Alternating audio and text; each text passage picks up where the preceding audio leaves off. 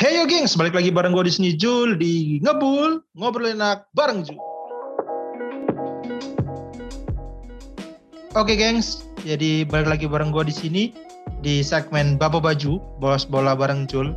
Jadi di segmen ini gue akan ngebahas mengenai UEL, European League, nah, di mana kasta kedua dari Eropa.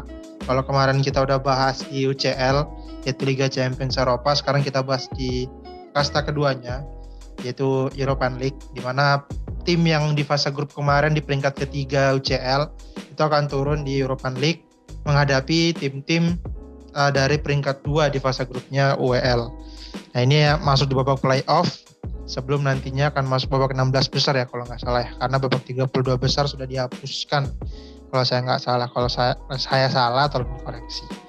Oke jadi nanti ini untuk European League sendiri akan dimulai pada hari Jumat tanggal 18 Februari subuh ya. Jadi matchnya ada yang main pada jam 1 malam atau jam 00.45 dan juga ada yang main pada pukul jam 3. Jadi ada 8 pertandingan yang akan disajikan. Uh, tim-tim yang tadi gue bilang dari peringkat 3 UCL akan melawan tim-tim peringkat 2 dari UEL untuk merebutkan satu tiket ke babak 16 besar. Oke, okay, jadi ini untuk pertandingan yang leg pertamanya, gue akan ngebahas 4 match di sini. Uh, dua match yang bermain pada pukul 00.45 dan juga dua match yang main pada pukul 3 subuh.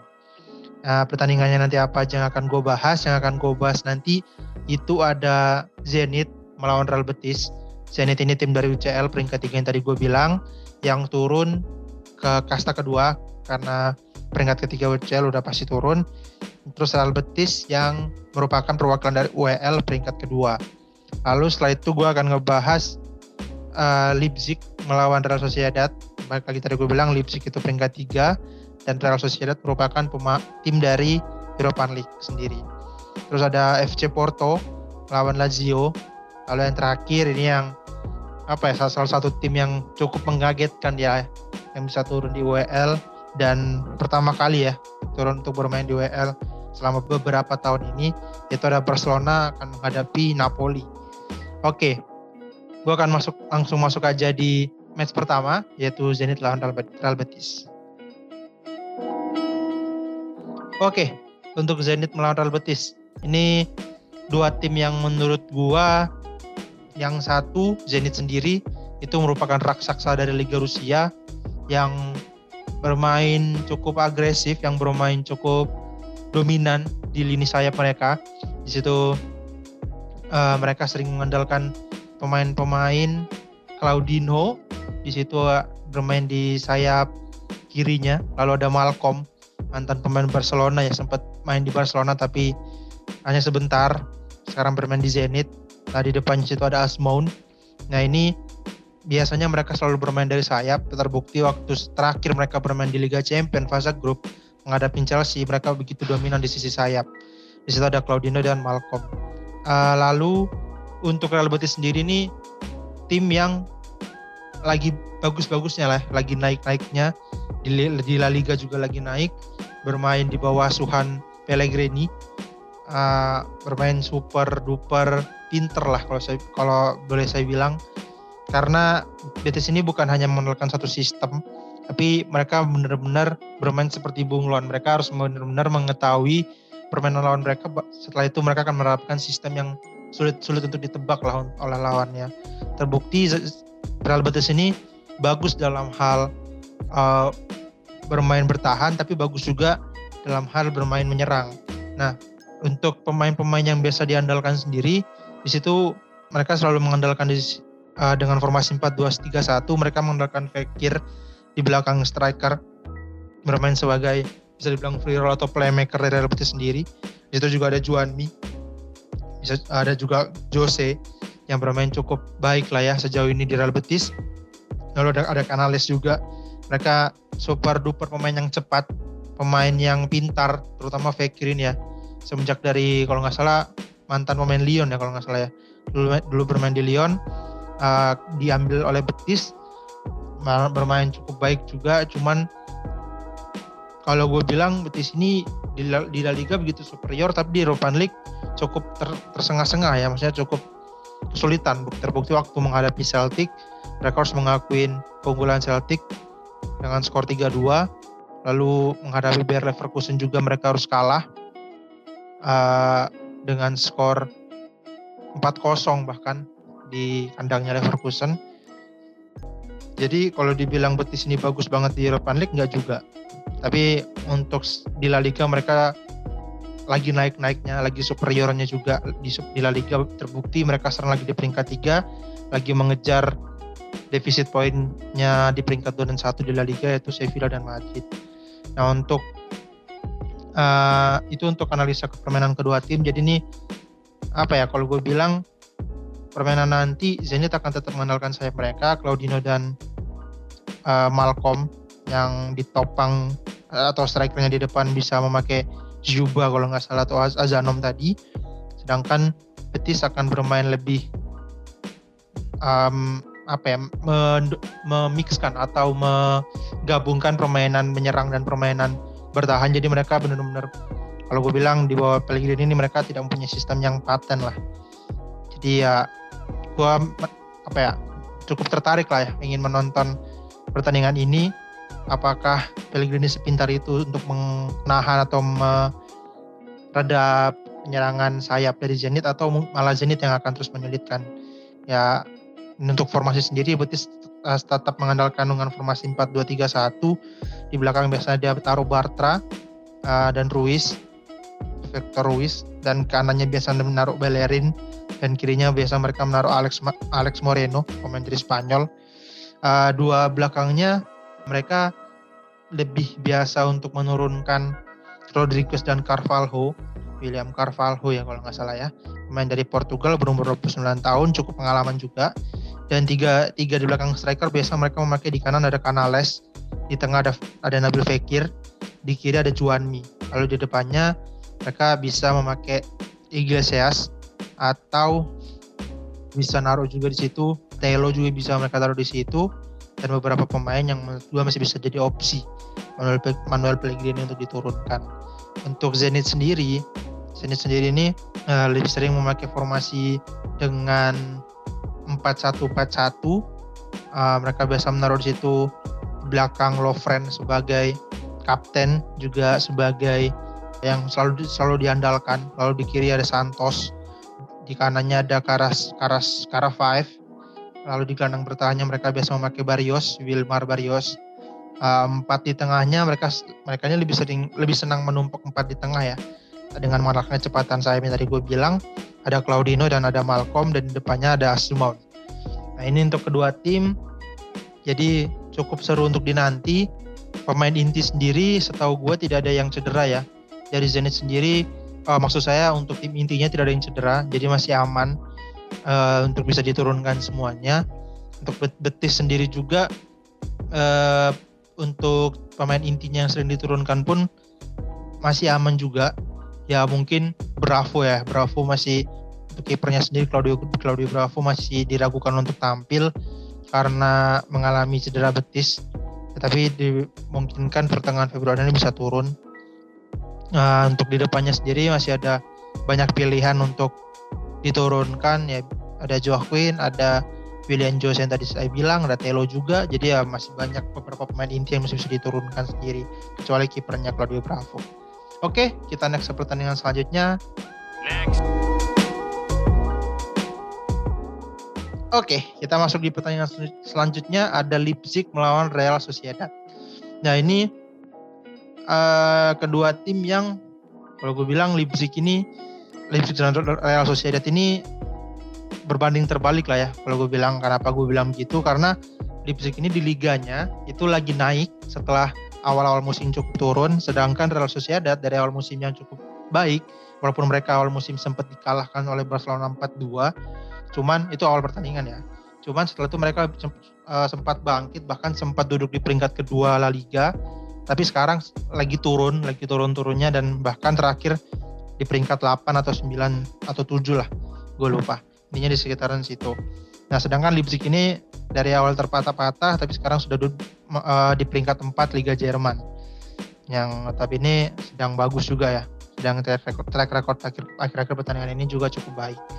Nah kalau gue mulai dari uh, analisa permainan apa ya kalau gue bilang Leipzig ini bagus apa enggak enggak juga. Karena ya mereka lebih lebih senang mengandalkan counter attack dengan mengandalkan uh, Kunku mantan pemain PSG Christopher Kunku pemain asal Prancis masih berusia 24 tahun pemain yang cukup agresif pemain yang sangat baik efektif dan punya kecepatan yang sering diandalkan oleh Leipzig untuk meng, uh, untuk menjadi finisher atau untuk memulai penyerangan.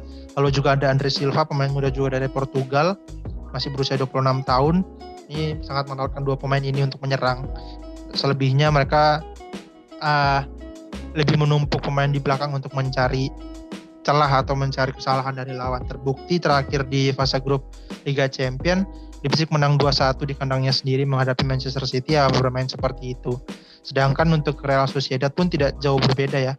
Untuk Real Sociedad mereka juga bermain apa ya bisa dibilang tidak bagus-bagus banget, bermain juga lebih menunggu, lebih sabar. Jadi mereka tidak punya lini tengah yang begitu kuat juga. Mereka lebih mengandalkan uh, Dre Sabal sendiri sebagai pemain depan mereka, sebagai pemain yang uh, Oyar Sabal sorry ya Oyar Sabal sebagai kapten sekaligus pemain yang diandalkan untuk membongkar lini pertahanan lawan.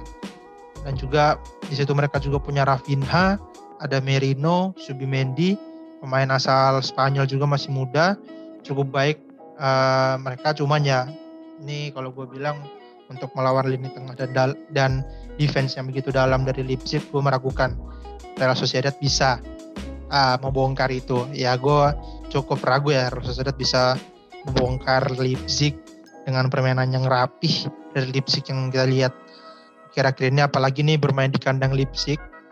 Bermain di kandang Leipzig di Red Bull Arena Leipzig. Jadi ya kita lihat apakah Sociedad bisa bermain membongkar pertahanan dari ini tengah dari Leipzig sendiri. Atau Leipzig yang akan mengocar-ngacir Sociedad. Karena Sociedad pun nggak mempunyai pertahanan yang cukup solid ya untuk benar-benar bisa menahan kecepatan Christopher Kunku dan Andre Silva. Dan ditambah Dani Olmo pemain muda dari Spanyol. Nah, untuk ini ini juga merupakan pertandingan pertemuan yang pertama untuk kedua tim. Jadi mereka masih belum mendapatkan atau belum mengetahui lah strategi apa yang harus diterapkan. Ya mungkin sekedar menonton pertandingan-pertandingan lawan yang sudah yang sudah ada. Tapi mereka masih belum ada track record selama pertemuan seperti apa.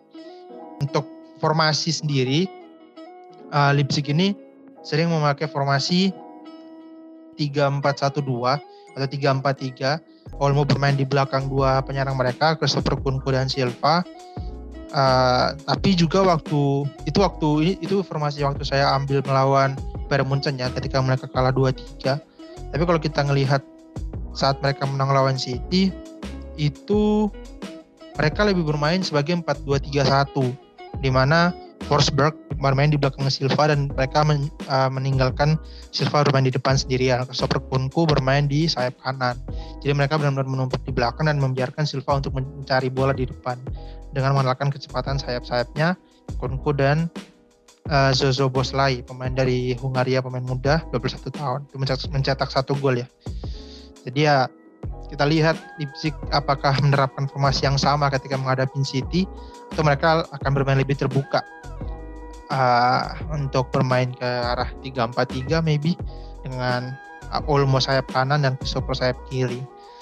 Sedangkan Sociedad sendiri itu memainkan formasi di atas di atas lap, di atas kertas itu memainkan formasi 4-2-3-1 juga dengan ada David Silva di belakang striker. Misalnya di belakang striker itu ada Isak atau Oyarzabal atau Oyarzabal bisa bermain di sayap kanan. Ada Adnan Zayuzak, Zanuzak di, di, di kanan, Oyarzabal di kiri. Jadi ini cukup bisa dinanti ya. Silva ini bisa benar-benar karena kita kan Silva ini terkenal dengan visi yang begitu luar biasa, pemain bervisi. Kita lihat apakah bisa dengan visinya ini bisa menyulitkan pertahanan daripada Leipzig dan kedalaman yang dipunyai oleh Leipzig. Oke, Itu untuk Leipzig dan Sociedad dan pertandingan ini teman-teman bisa nonton nanti pada hari Jumat subuh pukul 3. Pada pukul 3 subuh teman-teman bisa nonton itu. Oh ya, untuk pertandingan Zenit lawan Real Betis itu teman-teman bisa nonton pada hari Jumat pada tanggal 18 Februari pukul 00.45 subuh. Teman-teman bisa nonton. Oke, kita next ke pertandingan selanjutnya. Oke, kita masuk ke pertandingan selanjutnya. Ada pertandingan FC Porto melawan Lazio yang akan dimainkan di kandang dari dari FC Porto yaitu Estadio do Dragao. Ini bermain di Porto di Portugal uh, menghadapi Lazio. Ini Porto ini lagi solid-solidnya ya. Dia mereka belum pernah terkalahkan di liga mereka dan mereka harus turun ke liga di European League karena mereka harus kalah saing di grup neraka di UCL di Liga Champion kalah saing oleh Liverpool dan Atletico Madrid. Tapi mereka tetap finish di atas AC Milan tim dengan peraih Liga Champion terbanyak kedua setelah Real Madrid.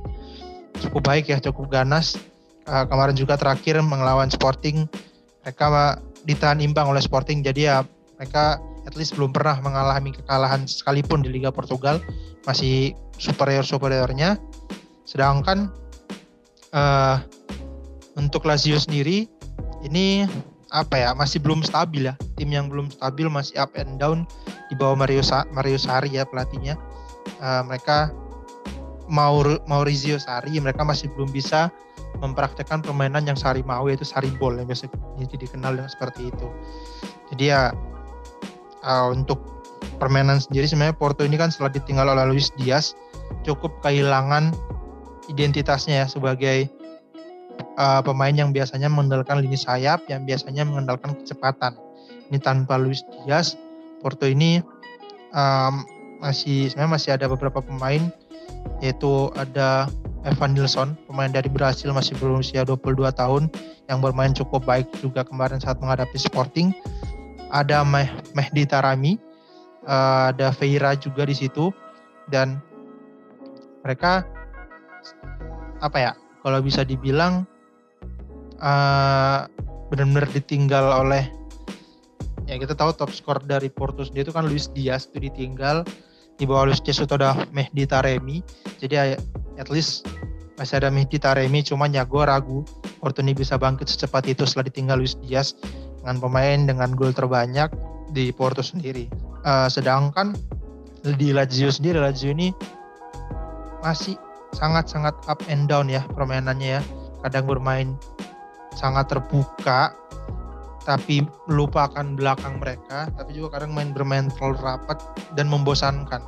Saat menghadap uh, 9 tuh kalah 4-0 mereka tuh apa ya bisa dibilang stuck di tengah.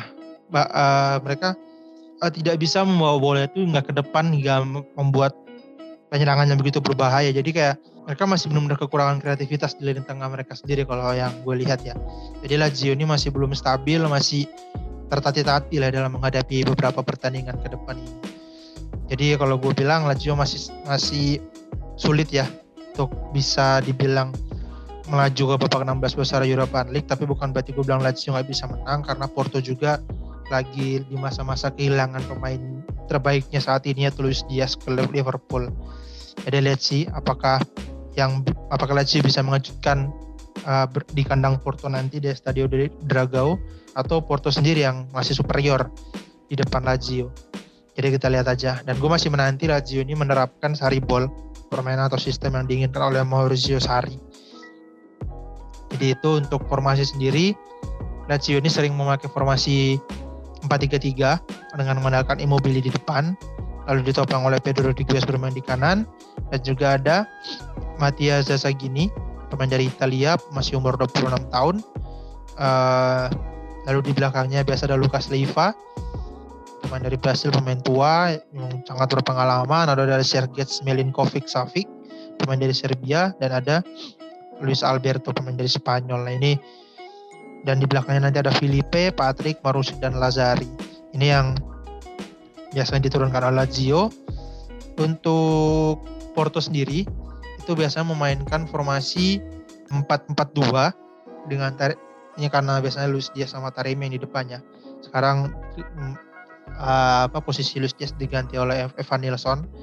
Jadi 4-4-2 mereka sedang uh, di belakang itu biasa dikomande oleh PP pemain yang preman lah ya, preman Real Madrid yang sekarang bermain untuk Porto dan di belakang situ di kiper sendiri ada Diogo Costa kiper muda dari Portugal berusia 22 tahun yang cukup baik juga. Dan di, uh, di tengahnya akan ditopang oleh Fabio Vieira dari Portugal masih berusia 21 tahun mempunyai visi yang gitu luar biasa mempunyai passing-passing yang cukup tinggi akurasinya jadi ya cukup berbahaya untuk lini tengahnya dari Porto sendiri untuk pemain inti yang kalau untuk pemain inti kedua tim sendiri, kalau gue lihat semua pemain dalam keadaan fit untuk bisa diturunkan untuk match ini. Jadi ya harusnya menjadi pertandingan yang cukup seru ya. Nggak ada permasalahan yang besar dari kedua tim mengenai pemain yang cedera. Ya, pertandingan ini teman-teman bisa nonton pada hari Jumat tanggal 18 Februari pukul 3 subuh. Ya, jamnya sama seperti Leipzig melawan Real Sociedad. Ini bermain di Estadio do Dragao. Oke, kita akan lanjut ke pertandingan selanjutnya. Next. Oke, pertandingan terakhir. Gue akan ngebahas uh, tim yang langganan selalu bermain di UCL, udah memenangkan trofi UCL lima kali dan sekarang harus turun ke European League menghadapi Napoli yang di mana Napoli ini juga superior ya di liganya di mana dia Napoli ini masih mengejar-ngejar duo Milan yang berada di peringkat 1 dan 2 dan selisih poinnya itu ada satu ya untuk sama Inter selisih poin satu sama AC Milan selisih poin dua. Nah ini dan terakhir mereka menahan imbang Inter Milan berhasil menahan imbang Inter Milan. Jadi menurut gue nih Napoli sangat-sangat bahaya mereka punya kecepatan di lini sayap. Mereka uh, apa ya bermain cukup agresif di lini sayapnya. Di situ ada Insigne, Lorenzo Insigne, pemain Italia yang membawa Italia juga ju juara Euro. Di depan di untuk striker nomor 9 mereka mempunyai Osimhen dan di belakang di belakang untuk atau sebagai apa ya belakang striker bermain sebagai belakang di belakang striker itu ada Zielinski pemain dari Polandia berusia 27 tahun dan di sebelah kanan ada Matteo Politano atau di situ juga bisa diisi oleh Dries Martin sebenarnya.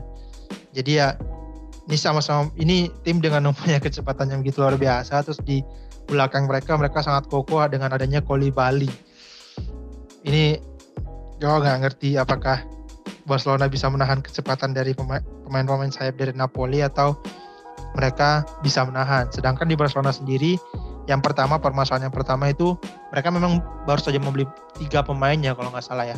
Itu ada Ferran Torres ada Aubameyang dan ada ada Matraore cuman jadi akibat itu juga dan Daniel Alves ada empat ya. Dan tapi karena itu juga mereka harus mengorbankan satu karena mereka hanya boleh mendaftarkan tiga pemain untuk ke European League. Jadi mereka mengorbankan Dani Alves yang bermain cukup baik melawan Atletico Madrid kemarin uh, yang saat Barcelona menang 4-2. Nah, ini kehilangan back sayap Daniel Alves begitu luar biasa ketenangannya, uh, kedewasaan dalam megang bola, dalam menyerang, dalam bertahan cukup dewasa. Ini harus dilapis oleh Sergio Des yang kita tahu terkadang masih sering uh, lupa posisi atau telat mundur atau bisa aja bahkan di sayap kanan bisa aja untuk Oscar Mingguesa ya untuk ditaruh sebelah kanan itu malah mungkin akan lebih lebih lebih kacau juga. Karena kita tahu Oscar Mingguesa jauh lebih buruk daripada uh, Sergio Des sendiri. Jadi ya Nah, gue bilang ini ujian, ujian yang begitu berat untuk untuk back sayap Barcelona. Untuk menahan gempuran-gempuran sayap dari Apoli, terutama ini Sergio Des yang akan kemungkinan akan diturunkan. Araujo nanti akan absen, dikabarkan akan absen. Jadi mungkin nanti ada Eric Garcia dan Pico yang akan turun, Alba akan di sebelah kiri. Sedangkan di tengahnya ini masih ada Petri, ada De Jong dan ada Busquets. Nah ini gue sejauh ini ya dalam dua pertandingan ini gue sangat-sangat kaget dengan penampilan Adama Traore yang begitu luar biasa sudah menciptakan dua asis saat menghadapi Atletico Madrid satu saat menghadapi Espanyol satu ini pemain yang cukup baik lah ya Cuman balik lagi nih, Napoli ini kan masih bermain tipe Italia ya. Jadi kayak mereka nggak terlalu ingin menguasai lapangan tengah, tapi mereka ingin efektif. Jadi ya kalau gue bilang ini uh, apa ya pertandingan antara tim yang ingin menguasai lawan tengah dengan tim yang ingin bermain simpel tapi bisa memenangkan pertandingan. Jadi gue akan gue malah melihat Napoli ini akan bermain lebih bertahan, lebih menunggu serangan ketika Barcelona lengah. Barcelona akan diserang dengan kecepatan sayapnya dan ini yang gue harus warning dari sekarang ke Barcelona harus tetap mewaspadai kecepatan sayap dari Napoli. Ini akan bermain di Barcelona di Camp Nou. Uh, secara mental ya pasti akan diunggulkan Barcelona karena mereka bermain di kandang. Cuman gue nggak melihat Napoli akan menurunkan tensinya, tetap akan bermain seperti Napoli yang ada dengan agresifnya mereka, dengan kokohnya mereka. Ini akan jadi pertandingan yang sangat seru ya. Apalagi ini juga membawa gengsi karena Barcelona ini turun di Europa League, jadi otomatis kalau bisa harus menang lah ya. Kalau bisa harus melaju sejauh mungkin. Kalau kalah di fase playoff ini, ya menurut gue ini akan membuat turun kembali fans-fans Barcelona yang akan pindah mati. Karena gue ngeliat udah banyak fans-fans Barcelona yang udah mulai hijrah menjadi fans-fans PSG. Jadi ini pertandingan yang cukup dinanti untuk head to head kedua tim sendiri ini kedua tim udah sering bertemu ya. Dan enam kali bertemu empat kali pertandingan dimenangkan oleh Barcelona satu kali kemenangan didapatkan oleh Napoli dan satu kali seri. Nah ini kan empat kali kemenangan Barcelona ini kan didapatkan ya karena masa-masa superiornya Barcelona lah ya. Ya walaupun di 2020 sebenarnya itu Barcelona juga sempat turun, sempat down. Cuman ya tetap mereka masih punya maestro mereka yaitu Lionel Messi. Nah sekarang ini kan mereka kehilangan itu, mereka kehilangan jati diri mereka juga, mereka masih dalam proses build up, mereka masih dalam proses transisi, jadi masih terlalu cepat kalau dibilang Barcelona akan dengan mudah mengalahkan Napoli. Ini ya gue masih ngeliat kemungkinan besar Napoli masih bisa menang atau bahkan ini pertandingan berakhir dengan seri karena striker nomor 9 mereka pun di depan Ferran Torres dan Abu Meyang pun belum menunjukkan kelasnya dan bahkan sejauh ini look the, look the God yang malah menunjukkan taringnya untuk bermain di strike menjadi striker depan nomor 9-nya Barcelona. Ini cukup dinanti. Ini ujian sebenarnya Barcelona untuk mampu menghadapi yang tim yang lagi besar lah ya di Serie A. Napoli kandidat juara juga di Serie A. Jadi ya ini tetap akan gue nanti pertandingan ini. Uh, untuk formasi sendiri, Barcelona sering memakai formasi 4-3-3 dengan kiper seperti biasa itu Ter Stegen. Uh, lalu di depannya nanti yang tadi gue bilang nanti akan ada Pique dan Eric Garcia karena Araujo dilakukan untuk turun.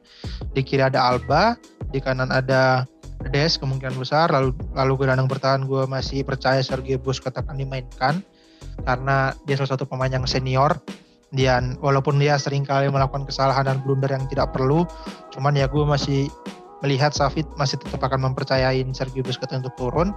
Nanti akan di depannya akan ada Pedri dan Frenkie de Jong yang akan bermain. Lalu Gavi masih mungkin untuk bermain di sisi kiri sisi kiri sayap karena Ansu Fati masih belum balik. Ada Matraore masih akan tetap menjadi andalan. Tapi untuk striker nomor 9 gue ngelihat malah nanti Frankie de God atau Frankie de Jong yang akan turun oke jadi uh, lalu untuk Napoli sendiri Napoli itu uh, sering mainkan dengan formasi 4-2-3-1 Nah, tadi dengan dengan yang gue bilang di belakang mereka mengandalkan Os, uh, sorry kipernya mengandalkan Ospina, di belakangnya mengandalkan Koulibaly, Bali, uh, lalu ada Mario Rui di sebelah kiri, di sebelah kanan ada Di Lorenzo, Giovanni Di Lorenzo. Dua di tengah atau sebagai DM itu biasa memakai mereka memakai Fabian uh, dengan Lobotka atau Elmas biasanya. Kalau di sayap kiri ada Insigne, di sayap kanan bisa memainkan uh, Martins ya kalau nggak salah atau bisa memainkan juga Elmans. Sebenarnya Elmans, Martins, Insigne, Zelensky itu pemain-pemain yang bisa dirotasi kiri, tengah atau kan kanan.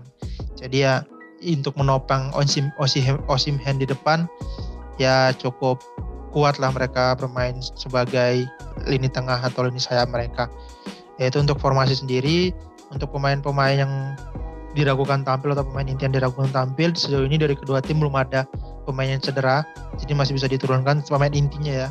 pemain intinya masih bisa diturunkan dan fit untuk diturunkan.